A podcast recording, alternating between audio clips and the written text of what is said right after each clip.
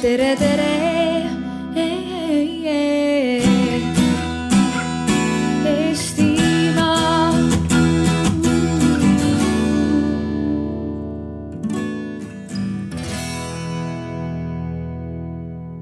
Tere päevast, oleme hetkel Paides, on äh, laupäev, kümnes august ja oleme Integratsiooni Sihtasutuse laval äh, Keele ja meele.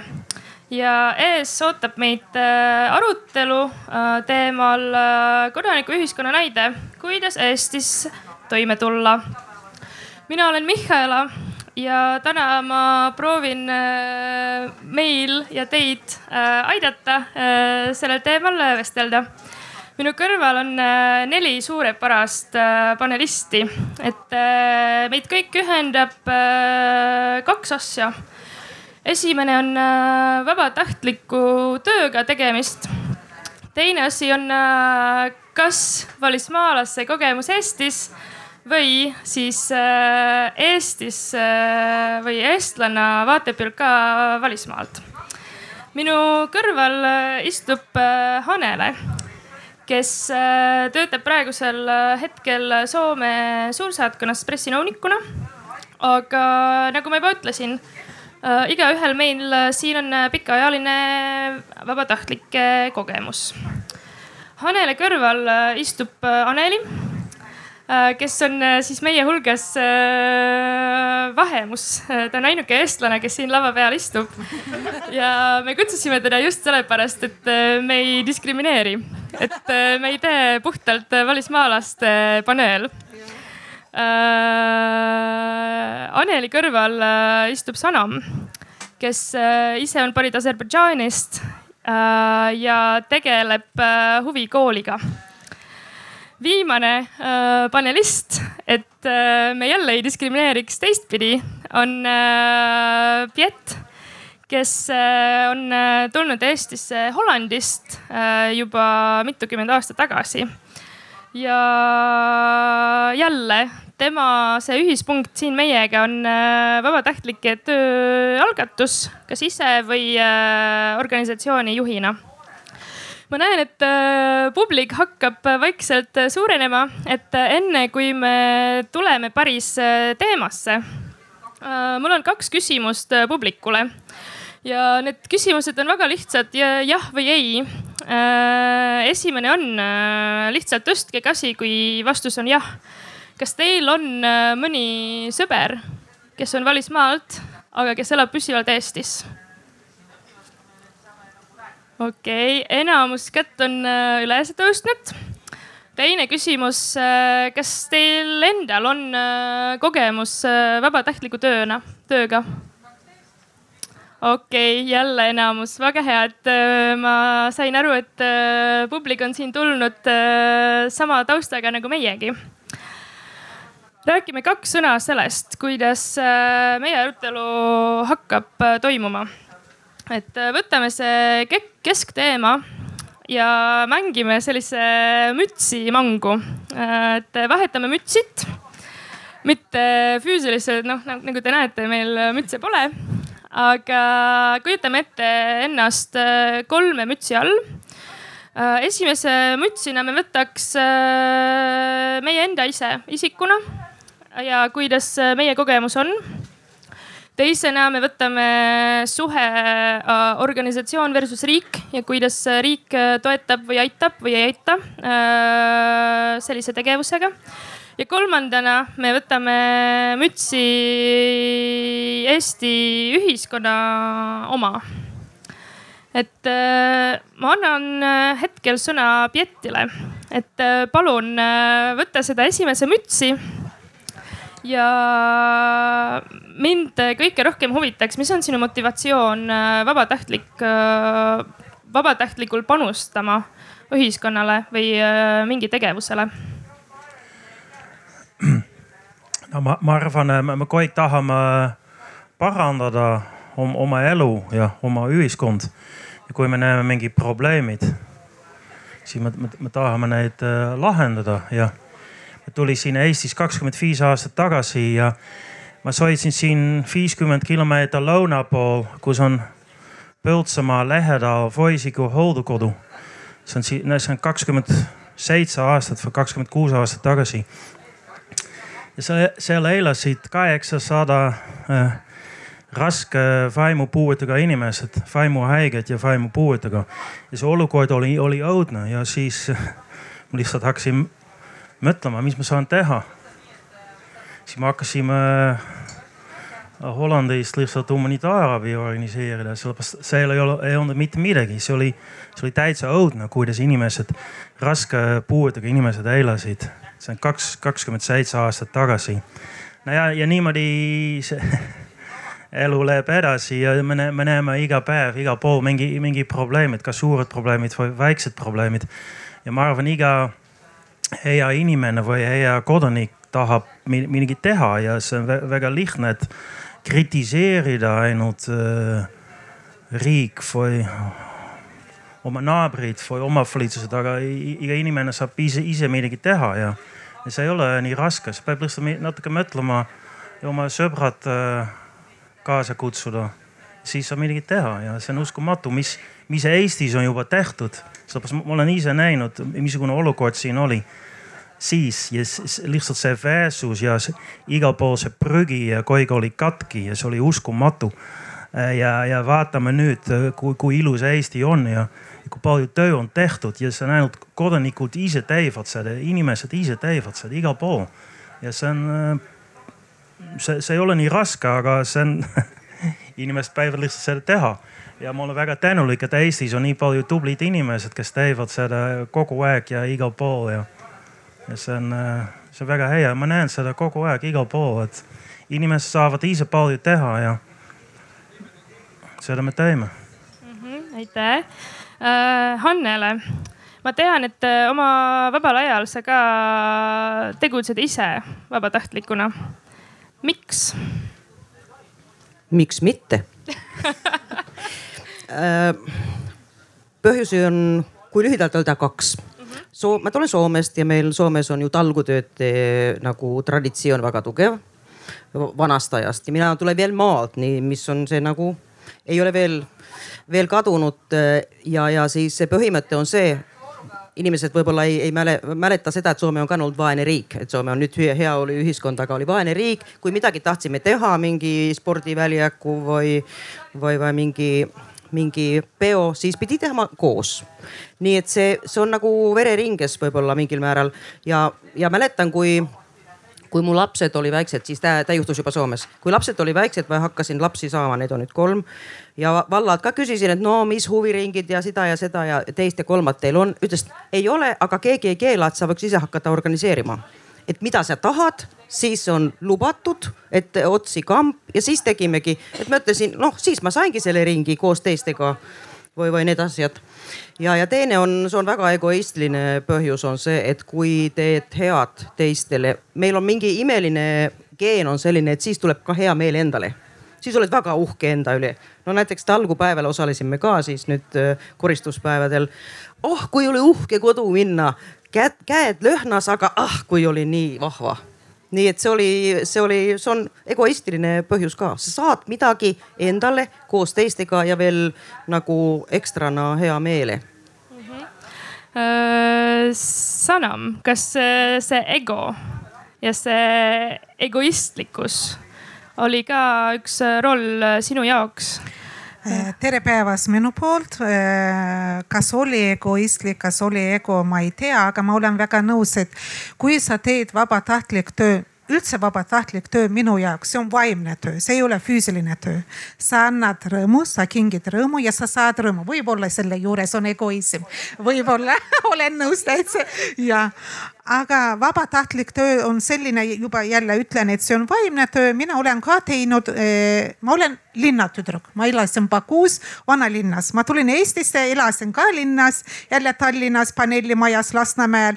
aga ma siin, ma ei ole maatüdruk kunagi, ma ei kokku ei puutunud koristamisega, niitmisega ja lehe korjamisega. aga siin ma sain sellega ka hakkama ja siis siin, kui olid talgud, jällegi ma tulen selle juurde, teeme ära talgud päeval astuvad. mulle nii meeldis, ma sain nii rõõmu, mulle nii meeldis see töö, ma sain, ma nägin tulemusi ja see tulemus rõõmustas mind, ma sain rõõmu ja ma andsin, ma arvan, rõõmu ka teistele.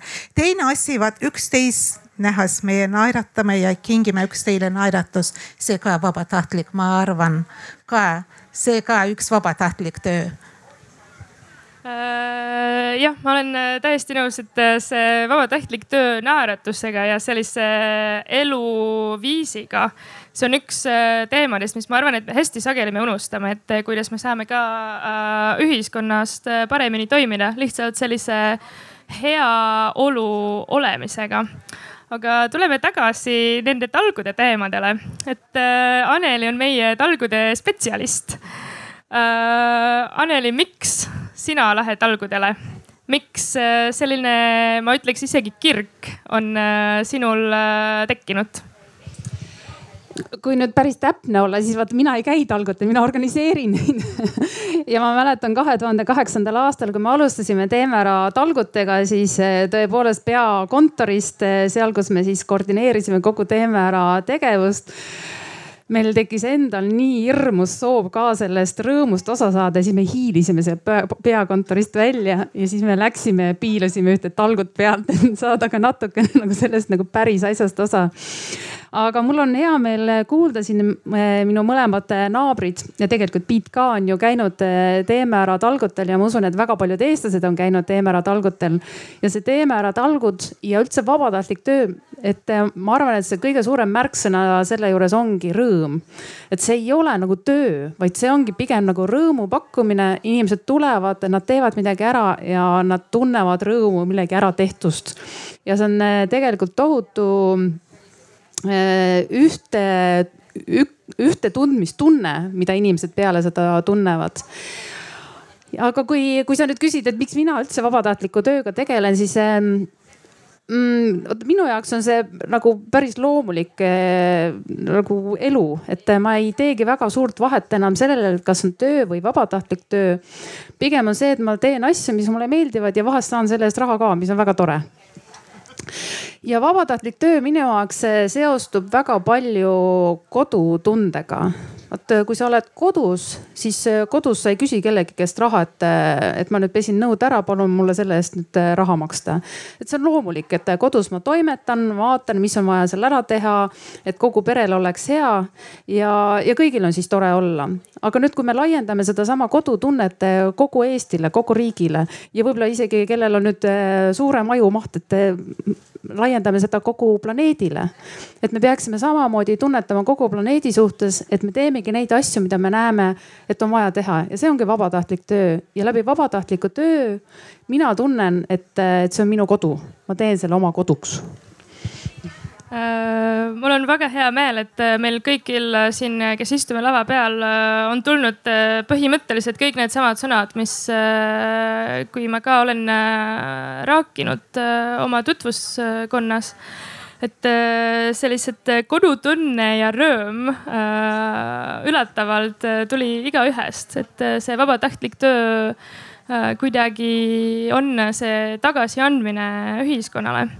Aga kuna me siin oleme neli inimest, kes on tulnud äh, kaugelt või lahemalt äh,, mis on sellest äh, kodutunnest tekitamisest äh, üks takistus või kas üldse on, kas teil on olnud äh, alguses, kui te tulite ja võib-olla tol ajal eesti keelt äh, veel nii hea ei olnud? kas oli mingi takistused? Sanam ah,? minu lugu on selline, et kui ma tulin Eestisse esimest korda, mul on kaks katse ma räägin esimesest katsest siis. Eh, see oli tuhande üheksasaja üheksakümne viiendal aastal detsember, palju lund on maas. minu jaoks ma saat-, tulin Eestisse ja kohe esimene õhtupool, mis ma ütlesin oma abikaasale, see, et ma lähen tagasi ma ei, no kuskil peale kahte tundi ma juba ütlesin, et ma ei taha siin elada.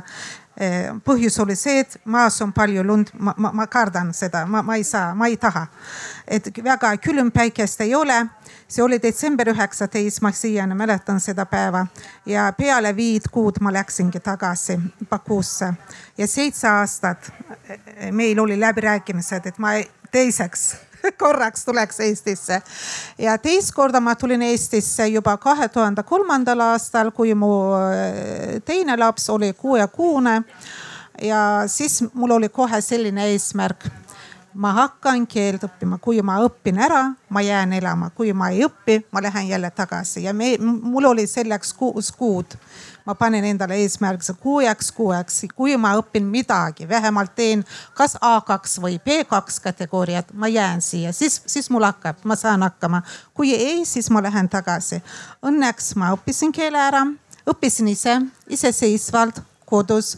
üks ja minu naaber, naabrid olid minul, minul, ma tahan nendest ka rääkida.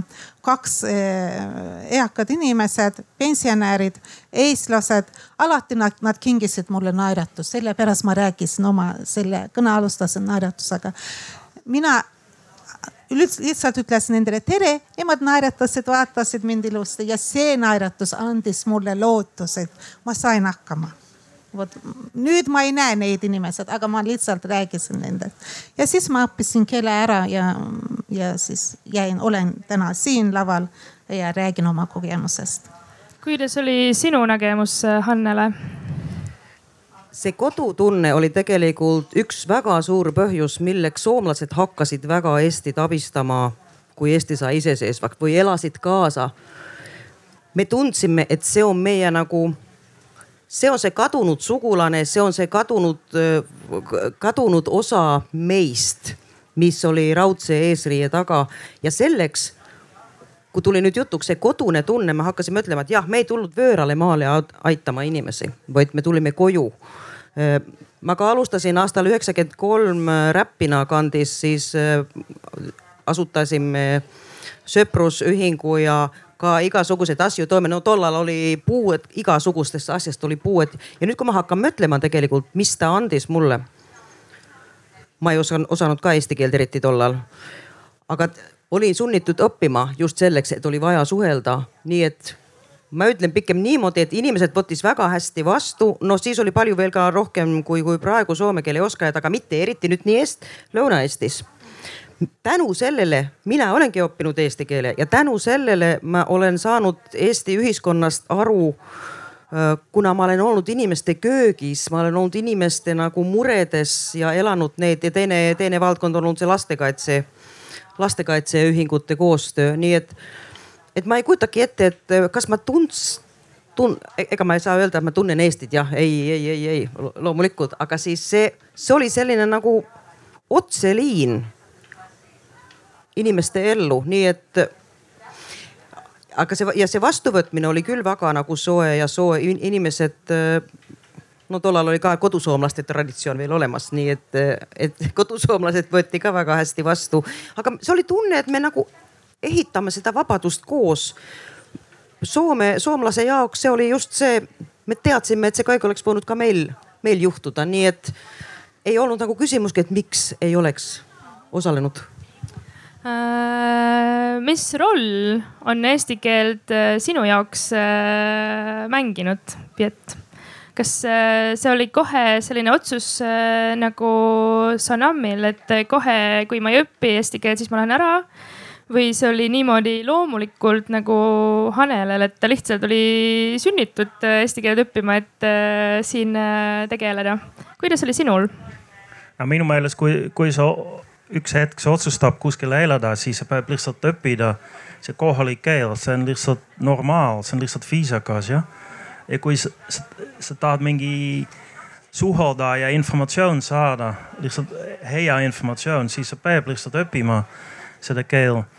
ja see oli noh, kakskümmend viis aastat tagasi jah, siis ma hakkasin õppima eesti keelt Tartu Ülikoolis ja septembrikuu meil oli väga suur grupp, kus oli võib-olla kolmkümmend inimest, aga detsembris kaks või kolm kuud hiljem oli ainult vähem kui kümme.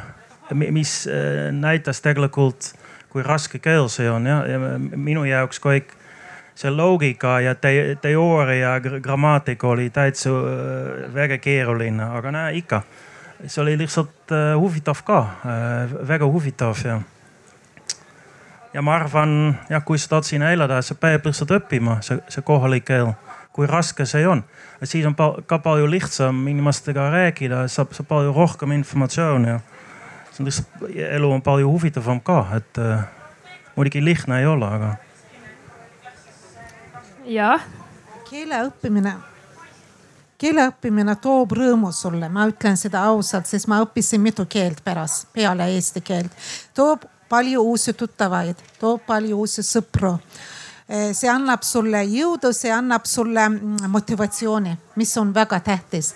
Ja siis see ei ole üldse raske. teine asi, et paljud mulle ütlesid, et mi, mi, miks sul on vaja eesti keelt. Eesti keelt ei, selline arusaam on olemas Eestis, ütleme ausalt. Eesti keelt ei ole laialt kasutatav keel, kui sa lähed Eesti piirist välja, seda keelt sul ei ole vaja, aga ma elan ju Eestis. Ma vajan seda keelt siin Eestis, ma väljaspool ei taha seda keelt, ma oskan inglise keelt, kui ma lähen välja piirist välja, ma oskan türgi keelt, ma oskan vene keelt, aga ma elan Eestis ja räägin eesti keelt, mul oli selline eesmärk siin. Kuidas on sinul, Anneli, et äh, niimoodi kuulata, et äh, tegelikult äh, inimesed ikka tunnevad seda vajadust ja kohustust eesti keelt õppida? Kuidas see tunne on ja kas sul äh, isiklikuna on äh, oma tutvusringkonnas ka teisi inimesi, kes on võib-olla hetkel õppimas või kes on ka niimoodi endale võtnud seda kohustust kohalikku keelt õppida? ja neid on päris palju isegi ehm, Eesti keel on mina, minu emakeel on muidugi eesti keel, aga mulle väga meeldib, et ma oskan eesti keelt, sellepärast et äh, välismaal on see suur eelis kui sa räägid inglise keelt või prantsuse või itaalia keelt, nad on ikkagi üksteisega nii sarnased, et eh, teised inimesed enamuses ikkagi saavad aru, mida sa räägid, vähemalt teemast saavad aru. Eesti keeles reeglina nad ei saa aru, nii et see on nagu salakeel. Et ses mõttes on ta nagu selline nagu kihvt keel. Ehm, selle keelega on äh, see, et, äh, et tegelikult äh, see käib ju mõlemat pidi, et muidugi oleks tore, kui välismaalased, need, kes elavad ühes riigis, õpivad ära selle kohaliku keele. Aga teisipidi panen ka mina tähele, et ega meie ka tihtipeale nagu unustame ära, et et võib-olla see keeleoskus äh, vastaspoolel ei ole kuigi hea veel ja, ja me, me ei arvesta sellega. et ka meie organisatsioonis äh, me peame kogu aeg endale jälle meelde tuletama, et äh, et me ei, ei läheks mugavate teed pidi ja ei räägiks ainult hästi kiiret eesti keelt niimoodi, et, et siis need vaesed välismaalased, kes küll juba oskavad eesti keelt, vaatavad sulle selliste suurte ehmunud silmadega otsa ainult et see keel on ikkagi mõlemat pidi. Ja, ja vabatahtlik töö on tegelikult jällegi nagu hea võimalus, kuidas keelt praktiseerida ja, ja kui üheskoos toimetada, siis läbi ühise tegevuse see keel kuidagi iseenesest tuleb, vaata siis ei ole sul ka seda nagu sundust peale, et ma pean nüüd kuidagi väga korralikult rääkima või, või ilma vigadeta rääkima. kui sa oled tegevuses ja sul on vaja nagu see tegevus ära teha, siis sa enam ei pane seda tähele ja siis sa saad sellest nagu sellest krambist üle, et sa pead väga korrektne olema. nii et vabatahtlik töö selles mõttes on keeleõppes nagu suurepärane. et jah ma võin tõesti kinnitada seda, et mina ei tulnud Eestisse nagu keele õppimise eesmärgil. ma tulin Eestisse eestlaste pärast ja, ja, ja, ja, ja seda, ma tundsin huvi seda vastu ja, ja nende tegevuste kaudu, kui meil on ühine tegevus, mingi asi, mida me teeme koos, see lihtsalt tuleb nagu kõrvaltoimena kas oli õige sõna nüüd siis tõenäoliselt et ja siis sa ühel päeval avastasid, oh, ma saangi aru. ja aga see on see, et kui on see ühine tegevus, siis sa ei ka keskendu sellele, et oi, ma nüüd ei oska ja nüüd ma ei saa, nüüd, nüüd ma ei tea, kuidas see läheb ja. ja, ja ma arvan, et seesama integratsiooni puhul, et see on lihtsalt suhtlemine, meil on mingi eesmärk, mille jaoks me suhtleme. et meil on vajadus, et esialgu on see vajadus ja siis me suhtleme ja siis me õpime selle keele. jah, alguses on keel ja, ja kehakeel nagu sigi läbi body language on tavaline language, eks, aga, aga edaspidi on juba, tuleb üha, üha rohkem juba tavalist keelt, eks ole. selleks mul oli ka vaja muidu õppida see, see Lõuna-Eesti, no eriti seal Võru kandis, siis ma pikka aega oli nii, et ma sain hakkama küll inimeste igasuguse kehakeelega, aga siis, kui oli vaja telefonis rääkida, sa ei saa, sa näidad, et oh nii ja nii ja nii ja nii suur. oli vaja õppida lihtsalt, et ja see tuli sellest jälle sellest mitte, et nüüd mul on vaja õppida, kuna keeld on vaja õppida, vaid et mul oli mingi asi vaja toimetada. asi vaja toimetada aitäh, mul, äh, ma pean äh, siin astuma natuke moderaatori rollist ja ma võin ainult kinnitada, et rääkida telefonis eesti keeles näidates ei vii väga kaugele. mul on vahepeal küsimus, ma tean, et osa publiku võib-olla vaatab meid otseülekanne kaudu. kas nende poolt on juba tulnud mõned küsimused? Kas äh, meie siin äh, füüsilises publikus on äh, siiani tekkinud mõni küsimus või kommentaar meie panelistide lugude kohta ja nende vabatahtlike kogemuse kohta? jah, palun. kas me võime küsida mikrofoni? kahjuks siis ülekanne peal ei ole kuulda, ma annan sulle enda mikrofoni et mind huvitab, millised olid need kõige suuremad katsumused Eestis, et ähm, millest võttis aega, et üle saada ja Eestisse jääda. et kindlasti oli mingi hetk, kus oli selline kriitiline piir või, või selline tunne, et on raske hakkama saada, et milline, millised olid need kõige suuremad katsumused või mõni olukord näiteks? aitäh minu meelest kõige raskem on äh, Eesti talv, mis kestab äh, seitse-kaheksa kuud, aga järgmine asi on, on äh, jah ähm, informatsioon saada väga tihti. mul on, mul oli tunne, et ma pean töötama nagu detektiiv. et, et teha õige otsused ja, ja saada õige informatsioon. võib-olla praegu ei ole enam nii, nii raske, aga. kas sa võid tuua mingi näide, palun, mis informatsiooni kohta see näiteks oli? Ma olen olnud kakskümmend aastat fondi juhataja ja siis üks äh, äh, kuskil Lõuna-Eestist äh, keegi saadab meile mingi projekt, projektitaotlus, kus on kirjutatud äh, väga palju informatsioon. ja me, meie pidime alati teha otsus, kas, kas toetada seda projekt Hollandi rahaga või mitte. ja siis väga tihti ma pidin lihtsalt helistada näiteks maavalitsuse, omavalitsuse, sotsiaaltöötajad, teised organisatsioonid, et, et ikka aru saada lõpuks ähm, ähm, jah, kas, kas, kas ikka see on vajalik või, või kas see on õige otsus ja, ja väga tihti ähm,. no isegi praegu ma, ma, ma, meil on neliteist toidupangad, me töötame igal pool Eestis, siin Paides, aga ka Narvas ja Võrus ja nii edasi. ja väga tihti on äh,, on, mul on tunne, et ähm, hollandlased räägivad palju rohkem omavahel ja siis see informatsioon jõuab igal pool ja väga kiiresti.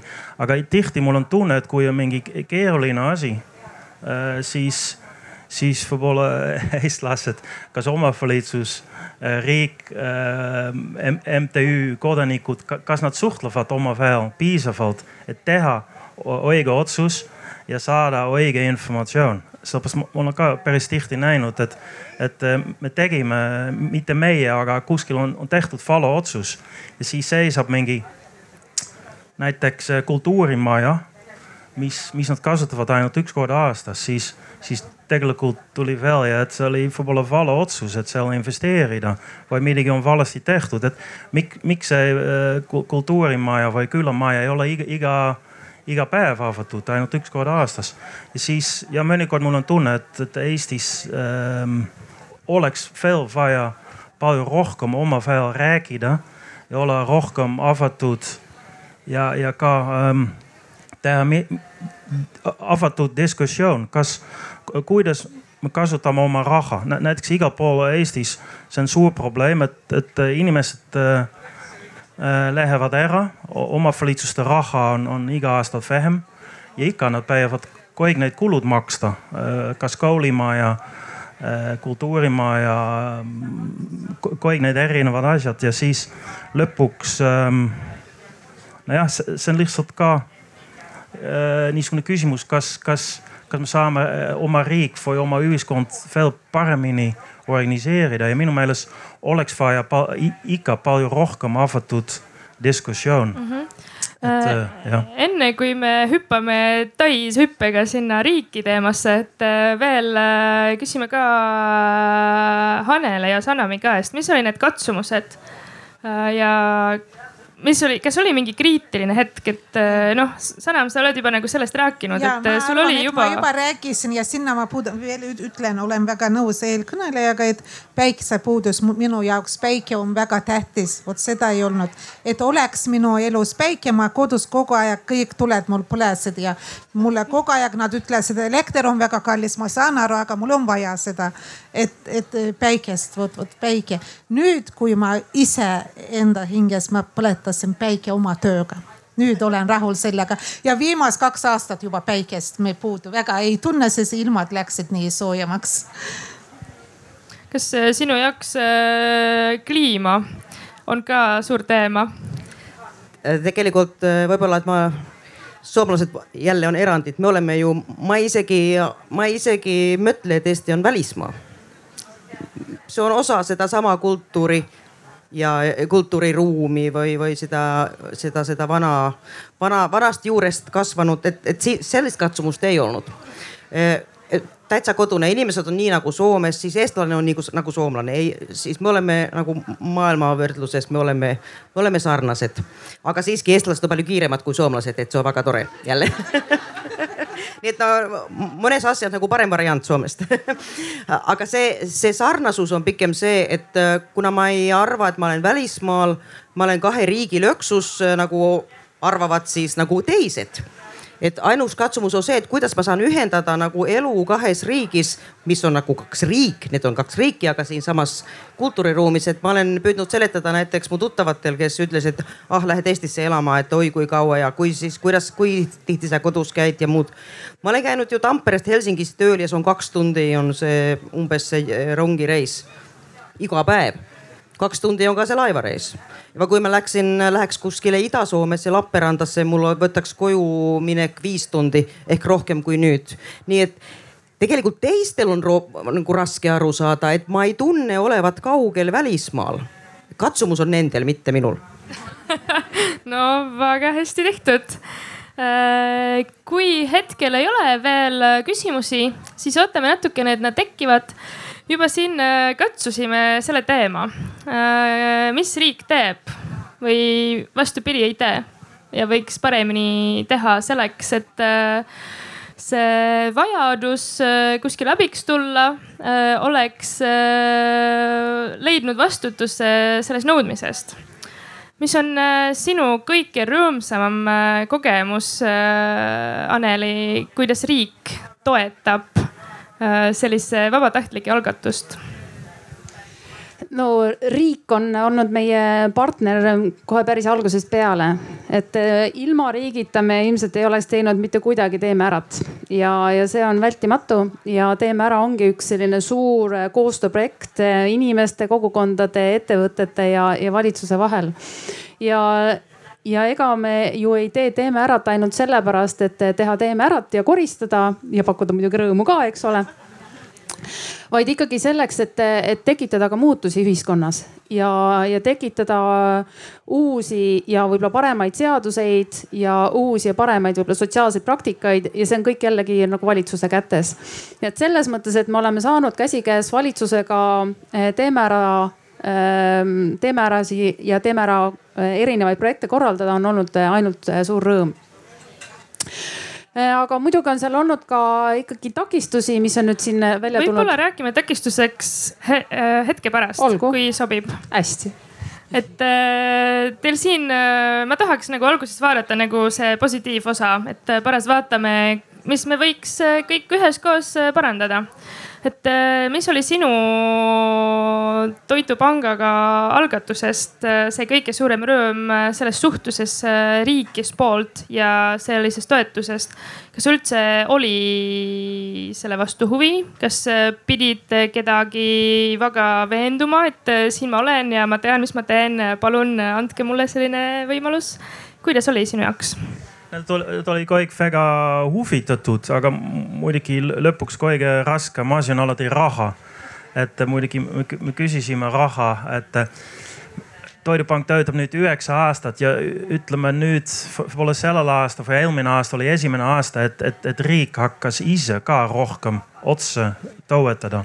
ja nüüd on isegi ähm, sellel aastal nüüd esimene aastal, et, et sotsiaalministeerium otsib strateegilised äh, partnerid. et äh, muidugi Toidupank, meie väga loodame, et meie saame olla sotsiaalministeeriumis strateegiline partner ja siis, siis äh,, siis see toetus ei, ei tule pool aastat või üks aastat, tuleb juba kolm aastat, siis, siis lõpuks see asi on palju lihtsam. sellepärast muidugi väga raske töötada, kui, kui kogu aeg sa saad ainult pool, pool aastat planeerida ja mitte rohkem. Ähm, aga no riik, riik on olnud tegelikult väga abivalmis ja, ja avatud ka, et ja alati, kui on probleemid. Eesti on nii väike, siis on väga lihtne kuskile helistada või kirjutada ja väga tihti abi tuleb ja muidugi see raha on kõige keerulisem osa, aga muud see, see abi on olnud, et ma võin öelda, et Eesti riik on väga paindlik ja, ja abivalmis ka, et kuidas äh, oli sinu kogemus, Anam, et äh, kui sa tulid äh, ja nüüd keskendume sinu huvikooli kohta, et kas selle vastu tuli see suur avatud käed, suured avatud käed, et jah, palun või kuidas see oli? Ma pean ütlema, et kõigepealt, kui ma õppisin keele ära, tegin eksamid, ma läksin lasteaeda töötama, kui mu lapsed olid väiksed, nad läksid lasteaeda ja mina läksin ka direktori juurde ja rääkisin ennast, näitasin diplomi, keeleoskuse tunnistuse ja hakkasin seal töötama. see oli minu esimene töö riigiasutuses, Tallinna Vormsi lasteaed, eestikeelne lasteaed peale seda juba ma vaikselt hakkasin mõtlema, mis ma veel saan teha. Äh, ma tegin Raadio neljas oma saated, venekeelne saate ka Aserbaidžaani kultuuris ja ajaloos kord äh, kuus. ja siis ma hakkasin mõtlema oma huvikooli peale, et ma võiks teha huvikooli, tutvustada mitte ainult aserbaidžaanlasi, kui ka muu rahvuses inimesi Aserbaidžaani kultuuriga, keelega, kes tahab õppida aserbaidžaani keelt ja siis eh, ma tegin oma asutuse, MTÜ registreerisin, väga lihtne. see on praegu tänapäeval eh, viie päeva jooksul läbi interneti teed digitaalsüsteem töötab väga hästi Eestis, see on eeskujulik tegelikult. Eh, ma räägin igalt poolt selles, Aserbaidžaanis ka rääkisin ja siis mina läbi integratsiooni sihtasutus, äh, kultuuriministeerium, haridusministeerium, erinevad projektid taotlesin, sain toetuse ja tegelen juba üle kümne aastat ja kõik läheb väga hästi sujuvalt kas äh, sul, Hanel, oli samasugune rõõmsameelne kogemus või sa nägid ka mõned takistused? Tegelikult siis alguses selles vabatahtlikus töös see, seda riigi raha oli, see kõik küll, siis see, mida riigi saab teha, see saab kahte asja teha, see saab rahastada või see saab mitte takistada. et Soomes on ju neid näiteid ka, kuna regulatsioon on läinud nii kaugele, et see takistab. ma toon ühe huvitava näite või, või naljaka isegi, me tegime omas külas, ma elan Sismaal külas nagu koolilastega, seal on väike külakool, et teeme iga, iga sügis ja iga iga kevad ka sellise koristame ära selle koolitee koristamistalgud. siis tuli ühel päeval ütlema üks ametnik, et see on keelatud, et nendel ei ole ametlikku luba maanteel viibida ja neil peab olema kiivrid peas või midagi taolist. et nendel ei ole need igasuguseid turvanõudeid. seda ma nimetan takistuseks, ma ütlesin, et, et kas te tõesti tahate takistada meie talgutöö tegemise mingi seadus turvanõuega? ma saan aru küll, et, et auto võib sõita nende otsa, jah, aga aga see ei ole nüüd selline mingi, mingi kiirtee. et see on see, et riigi, riigi saab olla abiks, kui ta ei takista. võib-olla, et Eestis seda, Eesti on palju paindlikum, Eesti küll ei kipu nii palju takistama. olgugi, et me oleme samas Euroopa Liidus, ma vahest imetlen see, et, et kas me tõesti oleme samas Euroopa Liidus. aga teine asi on, on, on, on siis tõesti see raha. ja, ja mäletan, alguses oli igasuguseid fonde, oli igasuguseid, no siis oli juba euro, Eesti ei olnud veel Euroopa Liidu liige et oli neid äh, lähenemis äh, ma ei tea, mis seda eesti keeles nii, nii pikk, nii kaugele me ei jõudnud. igasuguseid lähenemisfonde ja siis me korraldasime kursuseid ja, ja, ja toime abi noh igasugu lastekodudel ja, ja muud, kuna need reisikulud oli vaja katta. aga siis see hakkas, siis siin on hea ja halb uudis on samas, et siis äh, fondid vähenes, tuli uued fondid või, või need, need enam ei olnud kasutusel ja see lõpuks tegelikult see, see halb uudis ongi see, et ma korraldasin üle kümme aastat lastelaagreid, Eesti-Soome lastelaagreid. ja see pidi lõpetama, kuna seda Eesti poolset rahastust enam ei olnud, et Soome poolt rahastus ka oli lõppenud, aga need inimesed ise maksid kinni selle kulu. aga kuna tuleb ainult soomlased kohale, siis ei saa, et eestlastel, need lastekodulastel ja nende nagu sugulastel küll ei olnud seda raha. ja mul lõppes ka meni üle jõu seda nagu iga aasta kuskilt paluda ettevõtetelt või teistelt, nii et, et siis on, et mingid väiksed sellised äh, kanalid või suure teo oleks väga väikse rahaga saanud küll teha.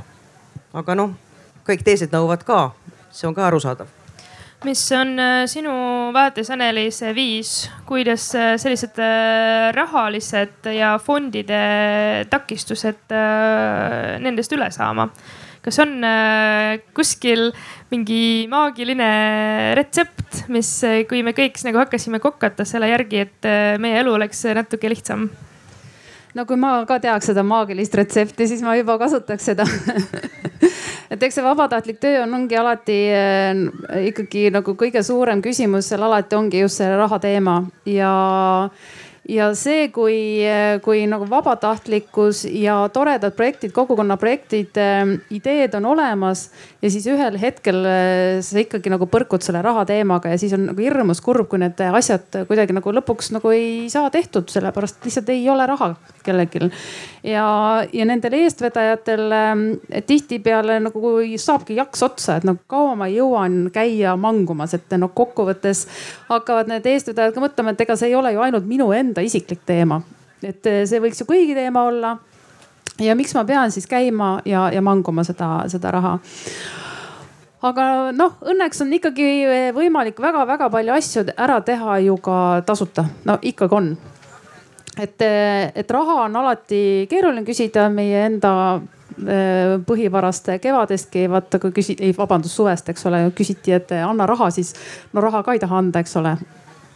Et siis et eh, tihtipeale ettevõtetelt eh, ja organisatsioonidelt on võimalik teenuseid märksa lihtsamalt saada kui raha. et no siis peab olema lihtsalt endal nutikust leida need head koostööpartnerid, kes teevad sul need tegevused ära, aga mitte ei anna raha, et siis neid tegevusi ära teha nii et noh, see võib-olla ongi see maagiline retsept, et, et leida siis need tegevuste tegijad ülesse, mitte siis rahaallikad.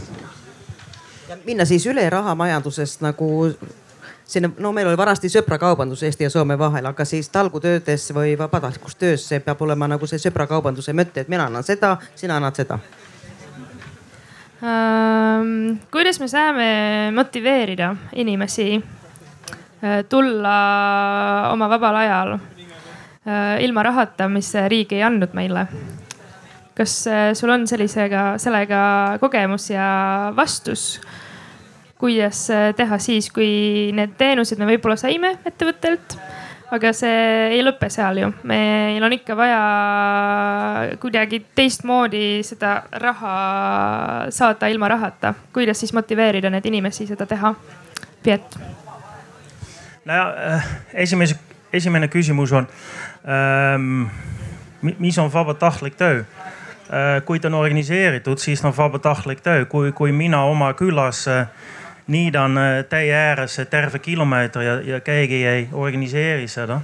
tegelikult keegi ei maksa seda ka. aga ikka ma teen seda, sellepärast mul on tunne, et keegi, keegi peab seda teha. kas see on, kas see on siis vabatahtlik töö või, või lihtsalt äh, ma teen seda sellepärast mul on tunne, et keegi peab seda teha et ja ma arvan, Eestis väga palju inimesed teevad lihtsalt midagi, kas naabritele, kas külale, kas spordiseltsile või, või ükskõik, nad nad teevad midagi, sellepärast neil on tunne, et nad peavad midagi teha, äh, mis on vajalik ja nad, nad üldse ei, ei mõtle, see on vabatahtlik töö, nad lihtsalt teevad seda. ja see võiks ka, võiks ka olla prügi, mis on täie ääres, praegu juba väga popp, et äh, kui inimesed jalutavad metsas või jooksevad metsas, nad näevad mingi prügi. Nad teevad seda terve aasta, nad võtavad lihtsalt prügi kaasa, see ei ole vabatahtlik uh. töö, see on lihtsalt, nad teevad seda, sellepärast neil on ise mingi tunne, et see, see on hea, see on vajalik ja.... kuidas sina näevad seda? Et no tegelikult täpselt nii ongi, et ega paljud inimesed juba, no nad ei teagi, et nad te tegelevad vabatahtliku tööga. Need uuringud, mis Eestis on läbi viidud, need tegelikult näitavad pilti poolikult, sest äh, inimestele peab siis ütlema, et äh, vot see, mida sa just tegid, see ongi nüüd vabatahtlik töö siis, siis on inimesed imestanud, aga ma lihtsalt tegin sellepärast, et nagu sa ütlesid, mulle tundus, et see lihtsalt tuli ära teha. ja, ja minu meelest on väga tore, kui, kui inimestel on selline kodanikutunne. Nad teevad selle ära nii nagu koduski ja, ja panemata sinna silti külge, et ma olen nüüd vabatahtlik ja, ja ma vajan nüüd tunnustust selle eest, eks ole kuidas teha juhul, kui see vabatahtlik töö ei ole selline, ma nimetaks seda nagu ühekordne et jalutan tee ääres, näen prügi, võtan taskusse, viskan kõige lahedama prügikasti või kord aastas lähme teeme talgut. aga selline järjepidev, ütleme iga nädal otsustan, et annetan oma kolm-neli tundi aega või iga kuu annetan kaks päeva kuidas äh, sellel viisil äh, motiveerida neid inimesi, et nad järgmisel laupäeval tuleksid uuesti, et isegi kui lund on ja pime ja, ja paha tuju. kas sul on sellega mõni äh, kogemus, Sanam? Äh, kui, kui me räägime praegu siin talgutapäevadest, teeme ära ja siis äh, nendes, nende projektides, siis ma arvan, et parem vastus oli minu eelkõnelejatel äh, nendel. aga kui ma räägin kultuuriprojektidest, mina, millega mina olen väga palju tegelenud haridus ja kultuuri alal projektides, siis mul on kujunenud meeskond. me juba teame, et me teeme seda tööd ja me teeme seda tööd tasuta et mul on oma meeskond, kui ma võtan ühe projekti, meil on muidugi me, täna on, täna juba plaanid ja homme hakkame tegema, seda ju ei ole. sa ju ettevalmistuse ajaks, sul on kas kaks kuud või kuu aega. me juba räägime sellest, mis roll ja mis ma pean tegema ja, ja see töö on vabatahtlik. kas see on uhkustunne sulle? See on uhkustunne, kui näiteks mul oli viimane projekt ähm, Eesti Draamateatris, mul oli see külalisetendus Aserbaidžaanis. me sealt raha mina ei teeninud ja meeskond, kes tegeles minuga, nemad ka ei teeninud. me lihtsalt, see oli uhkustunne oma kodumaa üle, kodumaa kultuuri üle äh,. me kingisime jälle, ma tulen selle rõõmu juurde, me kingisime inimestele rõõmu õnne, see õnnestus meid, see, see õnnestab meid ka, see rõõmustab meid ka. Ja sellised tunned ainult, ma arvan, motiveerib ainult minu töö juures kultuuri ja projektides motiveerib ainult selline tunne. Mis on äh, sinu, ma näen, et mikrofon juba tõuseb peaaegu ülesse. et kuidas on sinu kogemus, kuidas ära, kuidas teha kindlamaks, et vähemalt üks kord aastas me kõik teeme ära ja et need inimesed, kes on lubanud ja kes on tahtnud, äh, reaalselt tulevad ja teevad ära ja saavad seda hea tunne ja rõõmu. kuidas neid motiveerida? no vahest ongi raske ehm,. aga noh, minu jaoks ma olen alati ka oma vabatahtlikele tiimidele öelnud, et minu jaoks on vabatahtlik töö nagu iga teine töö et kui ma olen selle töö juba vastu võtnud, siis ma pean selle ju ära tegema ja, ja ma olen sellega nõustunud, et ma ei saa selle eest rahalist tasu ja samuti ma olen täiesti veendunud, et alati ei saa igat tööd mõõta rahaliselt. igal tööl on eh, erisuguseid tasusid. ja kui me vaatame, millised vabatahtlikud tulevad, eh, teeme ära rahvusvahelisse organisatsiooni tööle, siis neil on väga erinevad motivatsioonid, miks nad seda teevad on eh, inimesi, kes tulevad tõesti selleks, et, et ennast teostada. Nad tahavad eh, teha, tegeleda selliste asjadega, millega nad muidu ei saaks tegeleda. ja noh, Teeme Ära rahvusvaheline organisatsioon on kindlasti nagu üks võimalus, kuidas tõesti saada rahvusvahelist haaret. On inimesi, kes tahavad saada lihtsalt kogemust mingist teisest valdkonnast ja, ja nad on selle üle õnnelikud, samuti ka võib-olla referents oma CV-sse loomulikult ka see, et ma saan midagi ühiskonna jaoks ära teha. väga suur motivatsioon on oma riigi uhkus, see on uskumatult suur motivatsioon. teeme ära rahvusvahelises võrgustikus, ma arvan, et enamikel on see, et ma teen ikkagi nagu Eesti asja ja teeme ära rahvusvaheline töö, mis me teeme, on ikkagi see, et me väikse Eestina suutsime luua rahvusvahelise organisatsiooni, mis on esindatud saja viiekümne seitsmes riigis. ja eelmisel aastal äh, korraldatud maailmakoristuspäevast võttis osa kaheksateist miljonit inimest. see on viisteist korda rohkem kui Eesti elanikkond et sellised asjad teevad äh, kahtlemata uhkeks ja sellisel juhul on inimestel suur uhkus kuuluda sellesse tiimi. et see on see, et äh, mis tekitab minus identiteedi, et ma olen selles tiimis olnud. ma saan öelda, et, et jah, mina olen ka oma panuse andnud äh, sellise asja tegemisse ja, ja see uhkustunne kannab sind ikkagi väga-väga kaua veel edasi. ja võib-olla need on need motivatsioonid ja võib-olla oluline ongi vabatahtlike puhul see motivatsioon just üles leida et mis see siis on. ja, ja ma olen ka tihtipeale äh, argumenteerinud äh, ütleme äriorganisatsioonide juhtidega ja ma olen öelnud, et, et, et minu meelest peaks ka tavaettevõtete, vaba, tavaettevõtete töötajaid võtma kui vabatahtlikke ehk leidma nende motivatsioon üle, üles, mis siis, et nad saavad raha.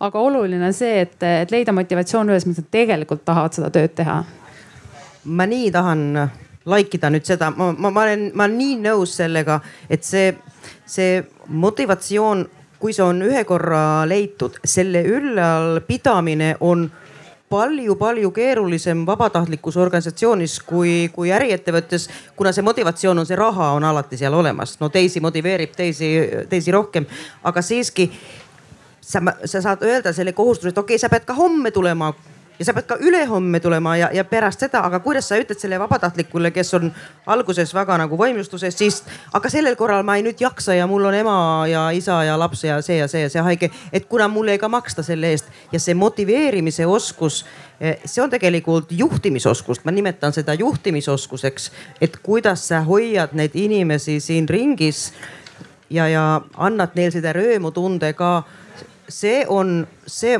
ma olen täielikult nõus ja see vajab ka organisatsiooni nagu oskuseid, nii et ma olen täitsa kindel, täitsa veendunud, et, et suured juhid, vaid sellised väga head, oskavad nagu personaljuhid ongi just vabatahtlikutes organisatsioonides, kuna need on sunnitud veendama palju-palju rohkem kui need, kes palga eest töötavad ma veel lisaks juurde, et, et oluliselt lihtsam on inimesi kutsuda ühekordsele tegevusele, nagu näiteks teeme ära talgupäevale. no üks kord aastas ikkagi inimesed tulevad välja, eriti kui nad lahkuvad sealt pärast eh, garanteeritult rõõmsa tujuga ja, ja selle tundega, et nad midagi ära teinud. Oluliselt keerulisem on eh, saada vabatahtlikke püsivale tööle ja selliseid vabatahtlikke on ka väga palju ja see vabatahtlik töö ei ole väga väljapaistev. eks sa teed seda tööd igapäevaselt ja, ja sa võtad siis äh, kohustuse siis tõesti mingi asja ära teha. ja seal hoida nüüd vabatahtlikku tõesti aastaid siis mingi tegevuse juures, vot see on nüüd äh, keeruline ja siis seal tõesti vahepeal tuleb äh, siis ka spetsiaalselt midagi teha selleks, et jälle motivatsiooni tõsta või siis, ähm, või siis tugevdada. Kuidas on äh, sinul äh, sellega olnud, äh, sellise püsimotivatsiooniga, mitte see ühekordne, et keegi tuleb kord aastas või kaks korda aastas toidu kogumispäevale, vaid sellise pisinahtamatu igapäevane töö? see on keeruline jah ähm,. eriti ütleme noored, nad, nad, nad tulevad üks kord või kaks kord või kolm korda, aga nad ei tule üks või kaks või kolm aastat järjest Äh, sellepärast nad arvavad, see ei ole enam nii põnev võib-olla seda töö ja see, see on keeruline jah. toidupangas on väga palju naised, mehed on alati palju keerulisem leida. ja noored, noored tulevad, aga nad, nad tulevad üks kord või kaks korda, aga mitte iga päev või, või terve aasta. see on, see on keeruline jah, aga kõige tähtsam on ka lüüa mingi hea heas, hea miljöö, kus me pakume alati kohvi ja supp ja, ja toit ja me räägime omavahel, kui on lõunaaeg ja et, et äh, äh, väga palju inimesed, eriti Tallinnas, nad tahavad midagi teha. Äh, just koos, mitte üksi, aga nad, nad tahavad istuda koos, koos rääkida, midagi koos teha. järgmine nädal me teeme ekskursiooni ja paar korda aastas me lihtsalt teeme midagi äh, koos ja siis äh, see on väga hea motivatsioon, see annab motivatsioon inimestele jah. ja, ja ka alati, mis on väga tähtis, on just seda, see tunne, et sa, sa teed midagi hea ühiskonnale. sellepärast meil on siin Eesti ühiskonnas üks suur probleem on, on vaesus ja teine suur probleem on see toidu raiskamine, see, nii palju head toit läheb raisku iga päev, iga tund. iga päev läheb lähevad üheksa täis ähm, prügiautod äh, toiduga täis lähevad prügimäele, see, see, see, see hea toit, see söögikõlblik toit, hea toit, mis läheb prügimäele iga päev. see on uskumatu nii palju ja kui, kui vabatahtlikud teevad, nad saavad midagi teha, kas see on väga väike asi, see on juba hea tunne ja siis, siis äh, nad tulevad tagasi jah. sellepärast nad, nad näevad, et see on tähtis. jah me oleme ka maininud sellise motivatsiooniviisi nagu kogu äh, kogemuse saatmine ja see ühe rida CV-sse. et äh, mina olen ka see hea inimene, kes on siin äh, annetanud enda aega ja energiat püsivalt et ma ütleks, et eriti noorte seas on hästi populaarne minna välismaale mõneks kuuks või isegi aastaks ja niimoodi aidata. et äh, kuidas lood Eestis sellega, kas on äh, lihtne äh, sellised äh,, ma ütleks pikaealisemat äh, vabatahtlikke äh, mõneks kuuks äh, Eestisse tuua äh,? mis on sinu kogemused, Aneli? Ehm, ja ma arvan, et Eestist välismaale käib rohkem vabatahtlikku kui välismaalt Eestisse mul ei ole praegu loomulikult mingi mingisuguseid uuringu andmeid, aga mul on lihtsalt selline isiklik tunne, et see nii on. Ehm, ma arvan, et meil ei ole veel väga head välja kujunenud praktikat Eestis, kuidas välismaalastest vabatahtlikke Eestisse tuua ja neid siin kaasata, et see on kõik alles veel kujunemas lihtsam on tuua Euroopast vabatahtlikke Eestisse, sest eh, siin ei ole vaja elamislube ja noh, sisuliselt inimene võib lihtsalt tulla siia ja hakata midagi tegema, juhul kui ta leiab siin tegevust. see on natuke lihtsam, keerulisem on see, kui inimene on väljaspoolt Euroopat. Ja, ja siin on nüüd juba takistused ees. Eh, jah, tulla turismiviisaga, et olla vabatahtlik, siis on sul kolm kuud ja siis sa saad, siis sa pead juba lahkuma siit Eestist aga selleks, et eh, näiteks tulla aastaks ajaks eh, siia vabatahtlikuna tööle, siis eh, seadusandlus on pannud siia üsna suured piirangud ette et äh, sisuliselt on, on väga keeruline. Sead-, välismaalaste seadus lubab tuua vabatahtlikke ainult Haridus- ja Teadusministeeriumi poolt tunnustatud noorteprogrammide ja projektide kaudu ja see on tegelikult kõik aga näiteks toome nüüd näite, äh, teeme ära rahvusvaheline organisatsioon, mille peakontor on siin Eestis. Siis äh, meil oleks võimalik äh, tuua küll siia peakontorisse tippspetsialiste meie võrgustikust, et nad saaksid aimu, kuidas peakontori töö käib ja neist võib-olla kasvatada edaspidi ka juba juhtivtöötajaid meie organisatsiooni aga praegusel juhul neid vabatahtlikuna siia pole võimalik tuua, neid on võimalik tuua ainult tööle, aga NGO-na ei ole veel meil võimalik kahtlemata maksta neile keskmist äh, palka. nii et see on võib-olla küll üks äh, koht, millele riik peaks äh, kindlasti otsa vaatama, sest ähm, vabatahtlike siia toomine, ma arvan, aitab väga palju riigile kaasa. ma arvan, et mida rohkem me suudame sõpru endale üle maailma tekitada seda kindlasti rohkem pannakse tähele, kui meid äkki enam juhuslikult kaardi peal ei ole. et see on võib-olla meile ka turvalisusgarantii. no eni, kindlasti on see, et mida rohkem sõpru sul on, seda, seda kindlam on sul ka ju toimetada. Need vabatahtlikud, kes Eestisse tulevad, need võivad olla meie tulevased äripartnerid tekitada siia ettevõtteid või, või sõlmida meiega majandussidemeid Äh, kindlasti inimesed, kellel on mingi isiklik suhe riigiga, kes ei ole siin mitte turistina käinud, vaid nagu päriselt olnud siin, teinud äh, asju koos selle kohaliku rahvaga, söönud sedasama talgusuppi kasvõi koos. et kindlasti on see märksa suurem garantii, et äh, et hilisemas elus sa ka tegelikult ikkagi nagu tahad selle riigiga mingisugust suhet säilitada ja, ja tahad ka majanduslikke sidemeid võib-olla sõlmida. nii et et praegu see vabatahtlik, äh, vabatahtlikkus, ma ütleks nagu pigem ikkagi kiratseb siin Eestis, justkui ma mõtlen äh, välismaalasi. et need, kes on siia Eestisse tulnud, need on väga tublid, aga, aga need on ikkagi väga paljuski nagu ise läbi murdnud sellest äh, kadalipust ja, ja, ja hakanud siin toimetama Sõnam, sina olles väljaspool Euroopa Liitu pärit kuidas on sinu kogemus, et äh, kui äh, oleks soov tuua huvikoolile uus äh, vabatahtlik, kes on ka pärit Aserbaidžaanist, kas sul on sama nägemus, et see protsess on üpris raske? ja kuidas te olete siiani hakkama saanud? selge, ei ole sellega tegelenud, vot jään vastuse võlgu et nüüd mul on idee tuua kui ma tegelen järgmisel aastal, ma vastan sellele küsimusele. aga, aga palgalise, palgalise töölise ma olen toonud Aserbaidžaanis, kes ei ole õpetaja. päris, et ma lihtsalt pean näitama Politsei- ja Piirivalveametisse, kui palju palk temal ja siis avaldus esitame, et ma tahan seda õpetajat Aserbaidžaanis, kes valdab Aserbaidžaani keelt. Ja see oli päris äh,, ei olnud väga raske, lihtne protseduur ja me läbisime ja ta tuli kolmeks aastaks ja nüüd ta juba tagasi äh, läks juba Eestis Aserbaidžaani ja töötab juba seal. Et äh, enne kui ma annan sõna Hannelale, et äh, kui siis sa pole veel mõelnud sellesse et tuua vabatahtlikke Aserbaidžaanist, aga noh, palgalised inimesed on äh, siin juba tulnud. kust kohast sa otsid äh, enda vabatahtlikke? no ma arvan, et kõigepealt ma otsin Aserbaidžaanis, ma väga tahaks, meil on vaibakunstiring, ma väga tahaks vaibakunstnikku näiteks siia tuua.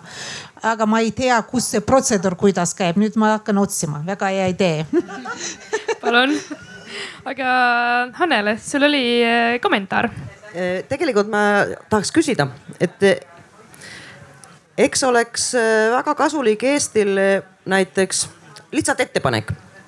võib-olla, et see on, see on nagu nõme idee, aga siiski ütlen, kuna ei ole mõelnud seda, lihtsalt tuli nüüd meelde. sama, samamoodi tuli meelde, et eks selline vabatahtlikute siia toomine igasugustesse no võib-olla talgulaagritesse või, või, või, või taolistesse peaks olema nagu EAS-i ülesanne riigi tutvustuseks või brändi töö tegemiseks. Need on sidutud, siis nad on sidutud, et on seda talgusuppi söönud, nendel on mingi seos, siis nad on kunagi kunagi nad on tähtsad tegijad või tähtsad poliitikud, aga kui noori on toodud siia talgutööd tegema, siis nendel on nagu, see on Eesti nakatuse. et maakuvandi töö lihtsalt äh, oleks teha nende talgu, talgutöö või laagrite või, või või asutusse suunamise kaudu, näiteks huvikooli? miks mitte? ja ma isegi lisaks, et üks asi on see, et me et mis on takistused eh, vabatahtlike siia toomiseks, aga võib-olla isegi olulisem on see, et kui palju me soodustame seda. et eh, nagu näha, et eh, praegu nüüd tekkis alles idee, et võiks ju tuua. ma ei, lihtsalt ei ole selle peale tulnud varem. et sama lugu, et mida riik kindlasti saaks teha, on see, et anda seda ideed, kutsuda siia. anda see idee või, või mõttepoeg erinevate mittetulundusühingute juhtide peadesse, aga miks mitte ka äriorganisatsioonide peadesse et äh, jällegi, et ma arvan, et väga paljud noored hea meelega tuleks siia Eestisse lühiajalisele kasvõi praktikale mõnda ettevõttesse, et näha, kuidas siis siin ettevõtted töötavad. ja see oleks väga väärtuslik ähm, äh, kogemus äh, mitte ainult siis vabatahtlikele endale, vaid ka tegelikult nendele ettevõtetele. sest meie kogemus teemääras on kindlasti see, et mis iganes vabatahtlik meile tuleb, ta toob väga väärtuslikku teadmist ja väga väärtuslikke kogemusi meie organisatsiooni, mida me muidu siit Eestist ei oleks mitte kunagi saanud. ja sealt tulevad selliseid huvitavaid äh, vaatenurki, mis, äh, mis võib-olla alguses võivad ka jahmatada, aga hiljem on, äh, on tegelikult olnud nagu väga nagu väärtuslikuks jälle algeks millelegi uuele. nii et noh, iga uus inimene, kes tuleb oma, oma isikliku ja, ja unikaalse kogemuste pagasiga, kes on töötanud kas siis Indoneesias või Aafrikas või Ameerikas või kuskil seal siis äh, nad näevad neid asju siin Eestis hoopis teistmoodi. ja see on, äh, see on nagu väga kihvt koos nendega ko töötada. jah. Euroopas on, on teht, tehtud uuringud ka ja, ja see, see kõige parem viis, et et just saada ähm, hea, ütleme Euroopa kodanikud või, või, või palju areneda see Euroopa integratsioon on just e-, Erasmus programmid, kus, kus tudengid saavad pool aastat või terve aasta kuskil mujal Euroopas e, kas õppida, aga ka võib-olla töötada vabatahtlikuna. see töötab kõige paremini, et, et siin me saame, saame palju, ütleme tugevam Euroopa, et ja, ja palju, palju parem sidet ka omavahel ja mm, ma mäletan, et kakskümmend viis aastat tagasi oli siin Eestis neid ähm, Peace Corps volunteers äh, Ameerikast ja mõned on ikka siin. Nad, nad jäi siin elada, sellepärast neile meeldis Eestis. nakatus tuli siis peale. Ja, ja mõned, mõned on väga edukas, mõned kirjutasid raamatut ja nad, nad tegid Eesti jaoks kõige parem reklaam juba kakskümmend viis aastat tagasi. ja see oli, need oli, see on lihtsalt, need, need programmid on väga edukas ja see näitab, kui tähtis just noored inimesed on ja, ja lihtsalt rahvusvahelised projektid ja programmid on väga tähtis jah aga võib-olla on ka oluline vaadata, et vabatahtlik ei ole ainult noor vabatahtlik võib olla ka juba ütleme keskes inimene, kes otsib endale uusi väljakutseid ja on valmis katsetama. ja, ja tegelikult, kui me vaatame jälle ringi, et, et jah, me leiame selliseid programme, mis toetavad noorte vabatahtlike siia toomist nagu Erasmus või Euroopa Solidaarsuskorpus. aga nii kui sa oled juba üle kolmekümne, nii tegelikult need võimalused juba märksa ahanevad. et no siis enam nii palju neid võimalusi ei ole. aga just see on tegelikult väga väärtuslik sihtgrupp, sest neil on juba ka elukogemust, kes võiksid, võiksid tegelikult vabatahtlikuna ka Eestile juba, juba pakkuda nagu väärtust. Et äh, üks asi on kindlasti see, et äh, erinevate projektide kaudu, kas Euroopast või äh, väljastpoolt Euroopat siia tuua inimesi. aga oletame, et välismaalane on eile saabunud. Ta on leidnud lennujaamast enda see kodu. Aga tal ei ole nagu võib-olla midagi teha, sest tema partner on see, kes läheb siia tööle või äh, kelle järele ta tuli ja ta tahab väga-väga-väga-väga abiks olla. ja otseselt alguses äh, see, kus kohas panustada, ei ole nii tähtis. et äh, lihtsalt tal on aega, tal on jõudu, rõõmu ja ta tahab just siin abiks olla. mida ta võiks teha? Anneli no vot, see nüüd läheb tegelikult samasse potti, et ma ütlesin, et see, see valdkond ei ole veel väga hästi välja arenenud. et ähm, no puudub selline, kas platvorm või selline organisatsioon, kes jagab selliseid, sellist informatsiooni. on küll jah, hästi palju organisatsioone, kes pakuvad seda eesti keeles, aga inglise keeles jällegi väga ei ole muidugi võib-olla te oskate rohkem öelda, ma ei ole ju olnud ka päris nagu välismaalase nagu sussides, et, et seda vaadata aga, aga vähemalt selline mulje on jäänud, et kui, kui keegi tahab välismaalastest vabatahtlikke, eks ta siis peab ikkagi nagu ise äh, seda kuulutust levitama välismaalased Eestis äh, kogukondades, et need on nagu kõige, kõige lihtsam viis äh, neid tabada aga jällegi, et, ähm, et üks on see, et kui, kui see mõte tekib endal, et, et võiks vabatahtlikke ka kaasata oma tegevusse, aga, aga kui palju me ise proaktiivselt neid äh, otsime, sest kui tekib nõudlus, siis tekib tegelikult ka vajadus selle koha järgi, kus välismaalased saavad ennast üles anda ja, ja siis Eesti vabad, äh, need äh, MTÜ-d saavad siis ka siis otsida neid muidugi teine küsimus on ka see, et kui suur eestlaste enda valmisolek on äh, välismaalasi võtta, et äh, et kuigi meil keeleoskus on, on see ikkagi natuke nagu see, et tekib selline umbusk, et no ei tea, et äkki ikkagi ma ei saa nendega hakkama ja ja, ja siis ju on vaja kõiki koosolekuid hakata inglise keeles pidama ja see on hirmus tüütu ja kõik sellised asjad ka. nii et ilmselt on ikkagi väga palju asju, mida me saame enda sees ka murda ja, ja, ja mõelda ümber ja, ja näha selles ikkagi pigem väärtust kui, kui ebamugavust ehm, siis välismaalaste eh, kaasamises oma mittetulundusühingu töösse kuidas eh, on sinul olnud, eh, Hanele, et sellise, kas sinu poole on keegi otseselt pöördunud, et vot, ma olen siin välismaalane. eile või kuu aega tagasi ma olen saabunud. palun, ma tahan nagu, olen inspireeritud, ma tahan kuidas äh, sellega toime tulla? tegelikult mul on värske näide. Äh, meie saatkonnast tuli, äh, tuli abikaasa soome keele, kes ei osanud eesti keelt. nüüd hakkab tasapisi oskama, aga no jälle Soome on natuke erand. ja mina suunasin tema Tallinna Ingeri soomlaste seltsi poolde Nendel on iganädalased ko koosolekud ja, ja siis ka Tallinna Soome kogutuse poolde, kus räägitakse soome keelt, seal on ka muid keeli, kuna seal on ingeri soomlasi, et kõik ei oska väga hästi enam soome keelt. aga ta leidis sealt, oi, nende vanaemade hulgas ta tunneb endast väga hästi ja need on väga rõõmus, ta aitab neid. ma olen, ma olen veendunud, et et eakate hulgas on nii palju tegemata tööd ja lastekaitses, lasteringides on nii palju tegemata tööd, aga loomulikult sa pead nüüd mõned sõnad sa pead oskama, aga eks sa saad küll poes käia ilma, ilma keelt eriti oskamata, et midagi sa saad teha ja siis tuleme jälle selle keele õppimise juurde ja lõimumise juurde, et sa siis nagu kõrvaltoimena ka öö, oled lõimunud natuke paremini sellesse ühiskonda ja võib-olla, et mõned sõnad juurde õppinud.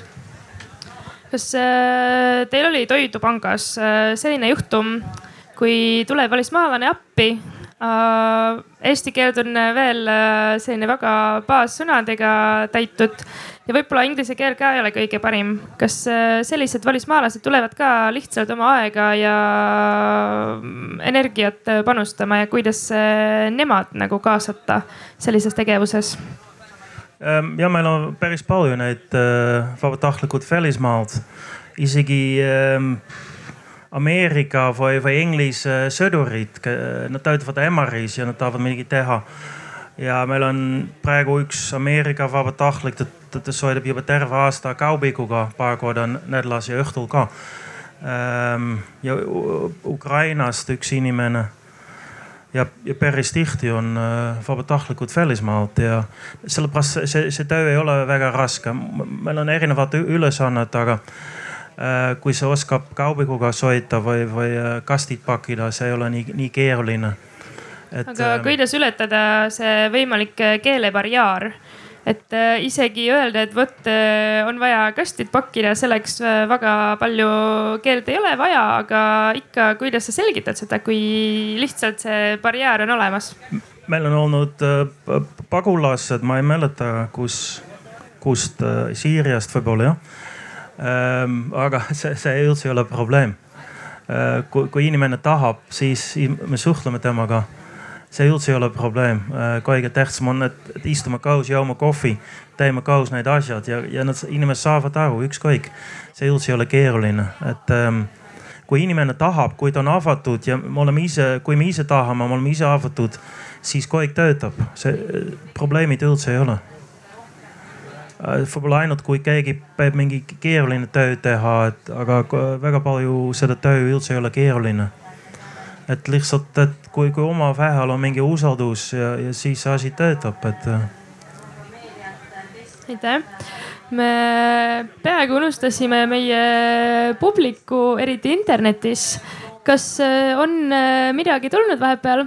ei, kas siin kohal olevas publikus on viimase poole tunni jooksul tekkinud kommentaare või uued küsimused? Ma näen vaikust, kõik nautivad, seedivad mõtteid.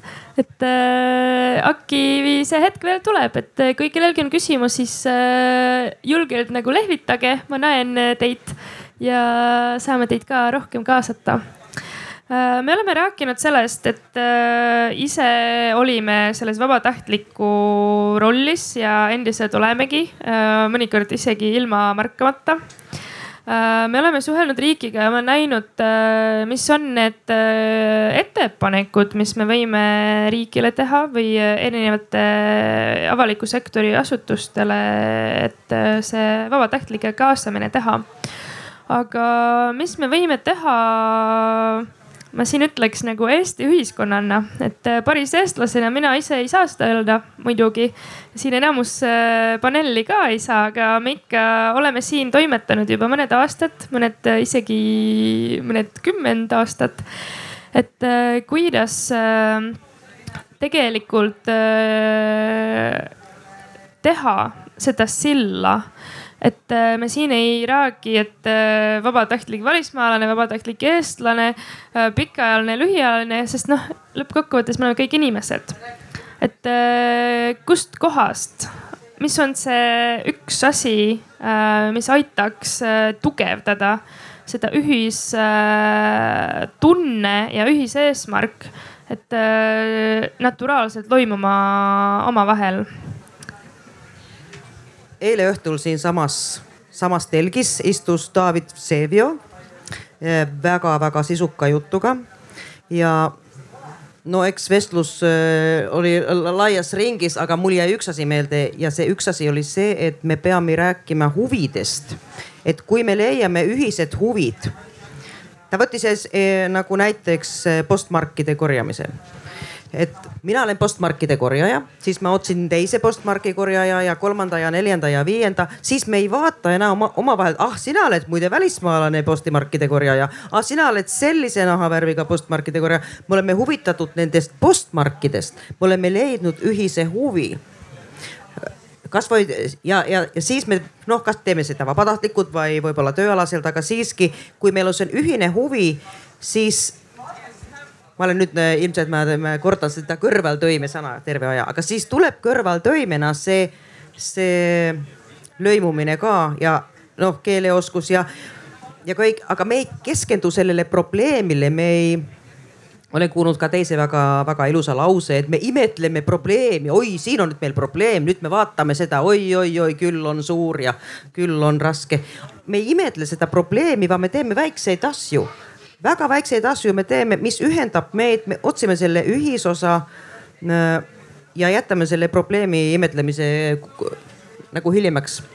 see on see, mis tooks selle loomuliku, võib-olla me peamegi lõpetama selle integratsioonist rääkimise ja, ja, ja keele õpetamise ja löömisest, me lihtsalt otsime, et oh, mis meie ühised huvid on ja siia ma lisan veel selle, et me väga palju otsime probleeme ja me väga palju otsime erinevusi. tegelikult meil on nii palju sarnasusi, me oleme inimesed meil on kaks jalga, kaks kätt, kaks silma, üks nina, üks suu.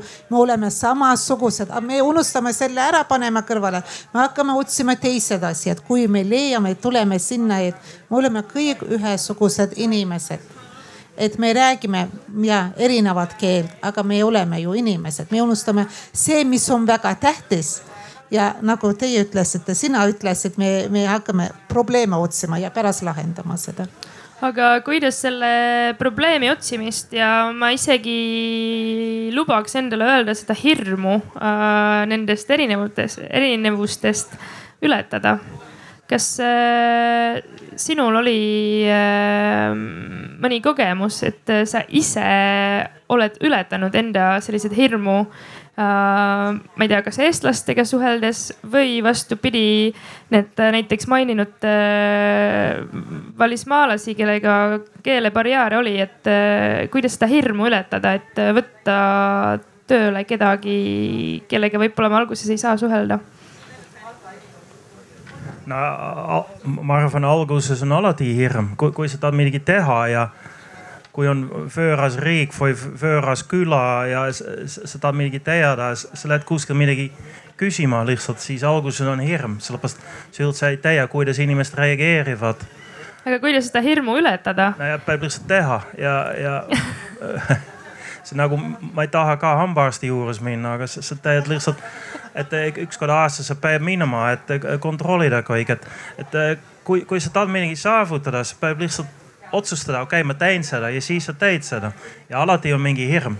ma olen isegi Eesti peaminister abi küsinud, kui, kui oli suured probleemid ja alati on mingi hirm, aga kui sa ei tee seda, siis juba tead, et mitte midagi ei tule välja ka. hirm on alati ja, ja väga tihti on on ka inimesed, nad ütlevad ei, ma, ma ei saa aidata või ma ei taha või. Äh, no jaa, okei okay,, aga siis peab lihtsalt seda teha et äh, kas see on siis selle isikliku äh, eeskuju kaudu, et me võime ka aina rohkem ja rohkem selle hirmu võib-olla alguses vahendada ja kuskil lõpus absoluutselt ületada, et äh, järgmine kord, äh, kui peaks juhtuma, et äh, tuleb välismaalane, kes ei oska eesti keelt või kes kuidagi hirmutab meid, kes või vastupidi, et välismaalas, välismaalane ise on hirmutatud eestikeelse keskkonnas töötada. kas see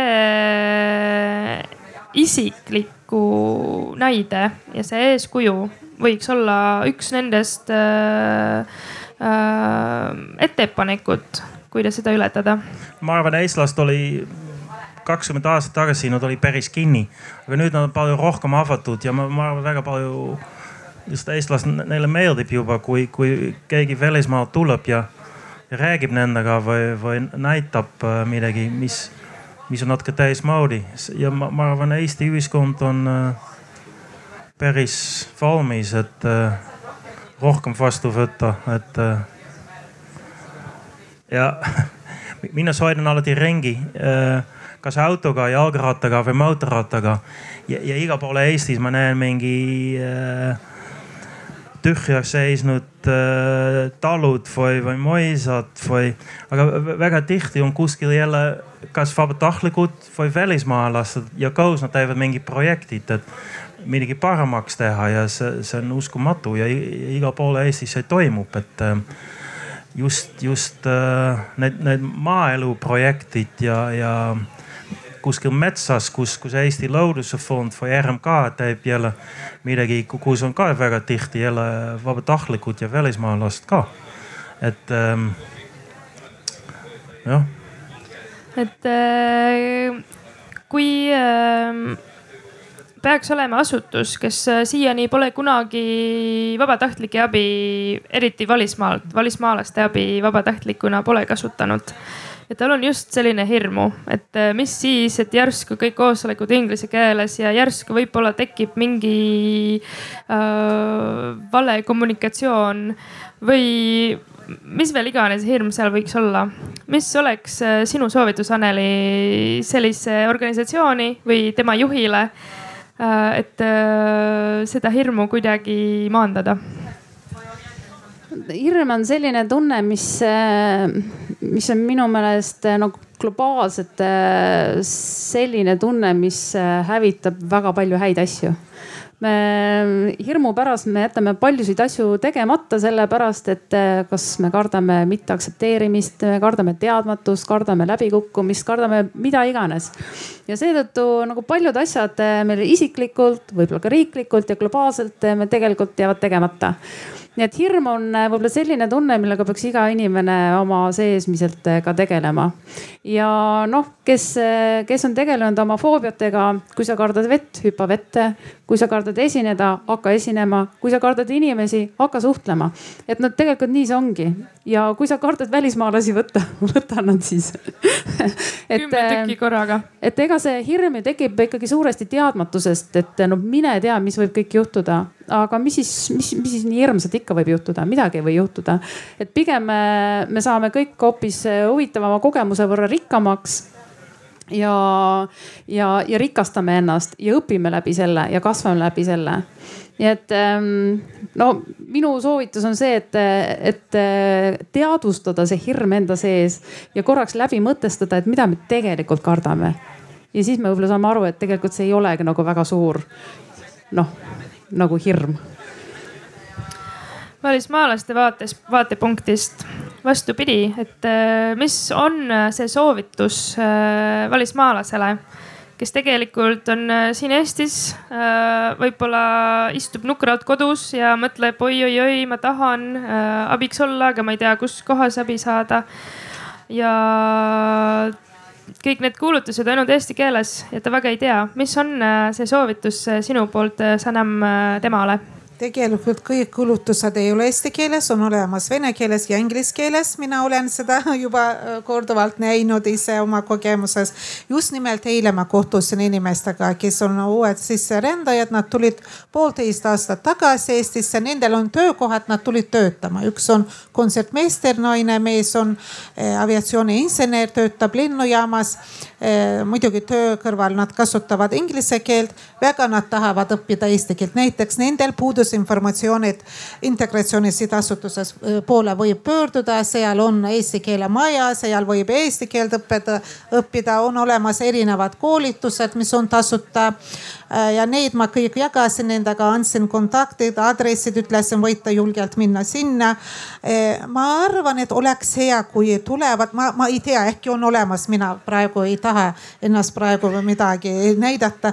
et, et kui inimene saab, inimene, kes tuleb Eestisse esimest korda, esimene äh,, esimest korda nad kohtuvad piirivalve ja migratsioonibüroos, seal nad saavad oma dokumendid kätte. oleks hea seal juba informeerida inimesi, et on olemas sellised asutused, kus või sa, saaksite näiteks äh, abi keele õppimisel, näiteks mm. nendel puudub see informatsioon, kellega ma eile kohtusin. ma, ei tea, äkki on olemas. ja, ja, ja ma hetkel hüppan vahele ja võtan selle moderaatori mütsi maha. Et äh, on selline koht nagu Eesti Rahvusvaheline Maja, mis oli loodud äh, kaheksa kuud tagasi. Ja mul on see suur rõõm, et äh, seal äh, toimetada ja teisi välismaalasi aidata just selliste küsimustega. ja see ka võib-olla vastab sellise salaja küsimusele, miks mina istun siin selle toolis et viimase kahe kuu jooksul ma olen näinud need välismaalasi, kes tulevad kasvõi otse lennujaamast või on siin juba viis-kümme aastat elanud. ja nad just küsivad sellised küsimused, kus kohas ma saan abi pakkuda ja selle nimel äh, me hetkel toimetame, et äh, vabatahtlike värav oleks äh, tõlgitud eesti keelde, vabandust, eesti keelest inglise keelde. Ja igapäevaselt anname teie asutuste nimesid ja palju teisi ka, et julgustame, et võtke ühendust, isegi kui terve see keskkond, kuhu te soovite minna, on äh, eestikeelne, siis äh, julgesti küsige. et äh, see kõige halvem asi, mis võiks juhtuda, on äh, ei. jah